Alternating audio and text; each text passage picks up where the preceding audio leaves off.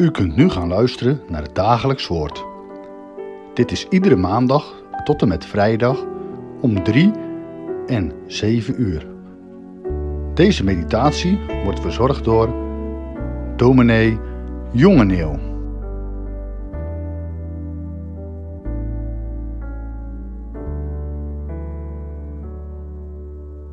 Goedendag luisteraars. De schriftlezing voor vandaag is Efeze 5, vers 28 tot en met 33 over het huwelijk. Aansluitend op de woorden van gisteren.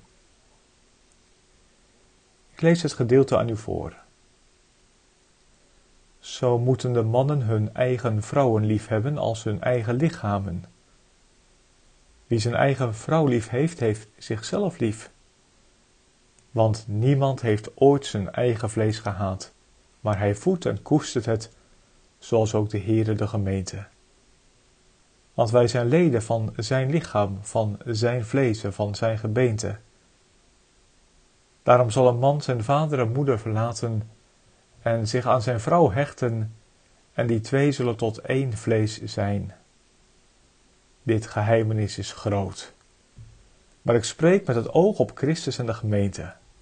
Kortom, ook u moet, ieder in het bijzonder, uw eigen vrouw net zo lief hebben als uzelf. En de vrouw moet ontzag hebben voor haar man. Tot zover Efeze 5, vers 28 tot en met 33. Zojuist las ik het laatste hoofdstuk van een boek, een boek over Augustinus. Bijzonder hoezeer die bisschop uit een grijs verleden nog steeds weet te inspireren. Zijn preken, bijvoorbeeld, worden tot op de dag van vandaag, bijna 1600 jaar na zijn dood, uitgegeven, gelezen en gewaardeerd. Hij mag wel met recht een kerkvader heten. Wat mij al lezend in dat boek opnieuw bij Augustinus trof, is zijn mensenkennis.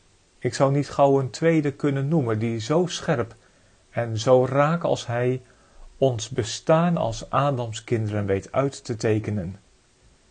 Keer op keer laat hij merken weet te hebben van de duistere diepten van het arglistig menselijk hart en van het menselijk tekort. Als geen ander wijst hij onze gebreken, onze duistere bedoelingen, onze troebele motieven en onze grenzeloze hoogmoed aan, onze verdorvenheid. We hebben zo te strijden met de slang in ons eigen hart. En Augustinus benoemt onze onvolkomenheid en onwetendheid, onze beperkingen en onze beperktheid, onze zwakte, onze zonde, het raadselachtige dat de mens zichzelf een vraag is, ondoorgrondelijk zijn we, een mysterie. Een nog veel groter mysterie is de genade van God en zijn ondoorgrondelijke liefde voor zondaren. Ook dat weet Augustinus als geen ander te verwoorden. Zelfs zodanig dat ik soms het idee heb dat er altijd wel een glans van de liefde van God over de woorden van deze kerkvader lijkt te liggen. Wat heeft dit alles nu met het slot van Efeze 5 te maken? Dan gaat het toch over het huwelijk? Ja, dan gaat het inderdaad over het huwelijk. En ik meen geen mooie beschrijving van het huwelijk te kennen dan die woorden van vandaag en gisteren vanuit Efeze 5.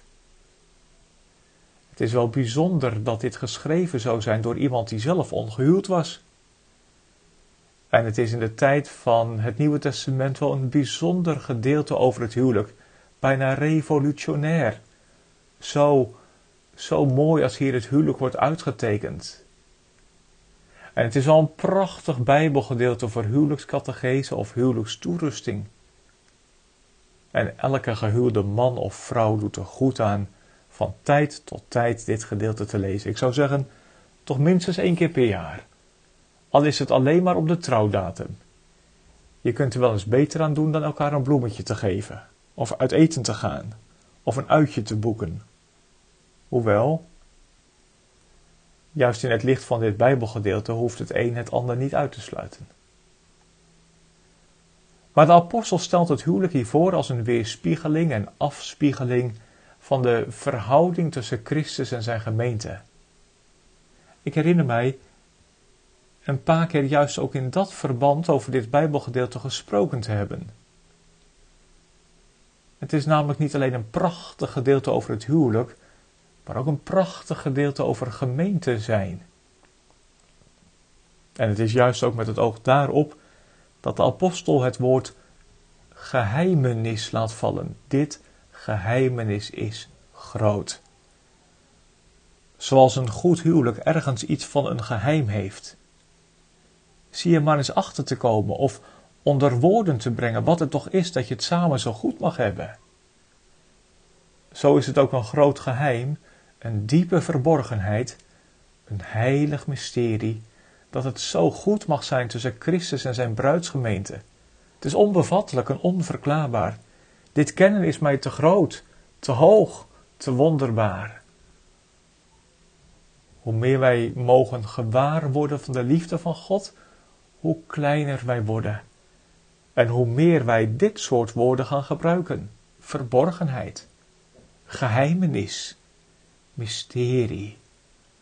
Augustinus had dat goed begrepen. Hij wist er blijkbaar van, gezien het gegeven dat hij zulke woorden veelvuldig gebruikt. Enerzijds woorden die uitdrukking geven aan de kleinheid van de mens, de nietigheid. Anderzijds woorden die uiting geven of proberen te geven aan de grootheid en goedheid van God. Met het gebruik van zulke woorden krijgt de taal van het geloof wel iets van een tegentaal. Het is in ieder geval niet de taal van de wereld. De wereld zegt: meten is weten. De wereld telt en rekent. En wij willen alles rationeel en redelijk hebben. Je moet het hard kunnen maken, zeggen we dan. Bewijs het maar eens. Eerst zien, dan geloven. Groot is de verleiding om zo ook met het geloof om te gaan.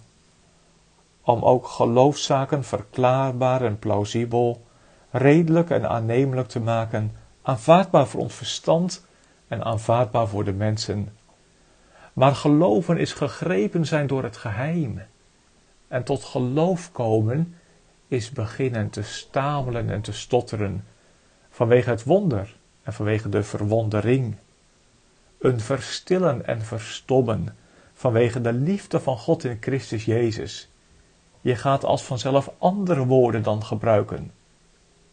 Het huwelijk is daar een gelijkenis van en een oefenplaats. Waar de gemeenschap van de liefde bedreven wordt, dat is andere taal, is het niet? Andere taal dan de taal van de wereld. Eén ding nog, ik keek even naar verschillende vertalingen van dit Bijbelgedeelte. En weet u welk woord hier in de Vulgata, dat is in de Latijnse vertaling, staat? Weet u, daar is het Griekse woord mysterie, dat bij ons vertaald is met verborgenheid of geheimenis. Daar is dat woord mysterie vertaald met sacrament. Is dat niet mooi? Ik dacht gelijk aan doop en avondmaal, aan het water, het brood en de beker. En ik dacht ook gelijk aan die eerste twee regels van dat lied van Thomas van Aquino, gezang 250, uit de hervormde bundel. U, verborgen Christus, bid ik eerbiedig aan. Doe ons in deze tekenen het heilgeheim verstaan. Ja, dit geheimenis is groot.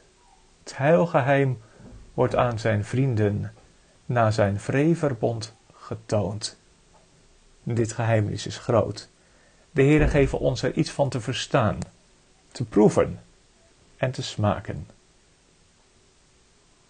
Tot zover mijn laatste bijdrage aan deze dagelijkse overdenkingen. Het einde van de serie komt immers in zicht. Ik, vanaf mijn plaats, wil u, jong en oud, bedanken voor uw luisterend oor, uw betrokkenheid, uw reacties. Heeft me goed gedaan. Het gaat u goed. Laten we samen bidden. Onze Vader die in de hemelen zijt, uw naam worden geheiligd. Uw koninkrijk komen. Uw wil geschieden gelijk in de hemel zo ook op de aarde. Geef ons heden ons dagelijks brood en vergeef ons onze schulden, gelijk ook wij vergeven onze schuldenaren. En leid ons niet in verzoeking, maar verlos ons van de boze. Want van u is het koninkrijk, de kracht en de heerlijkheid, tot in der eeuwigheid. Amen.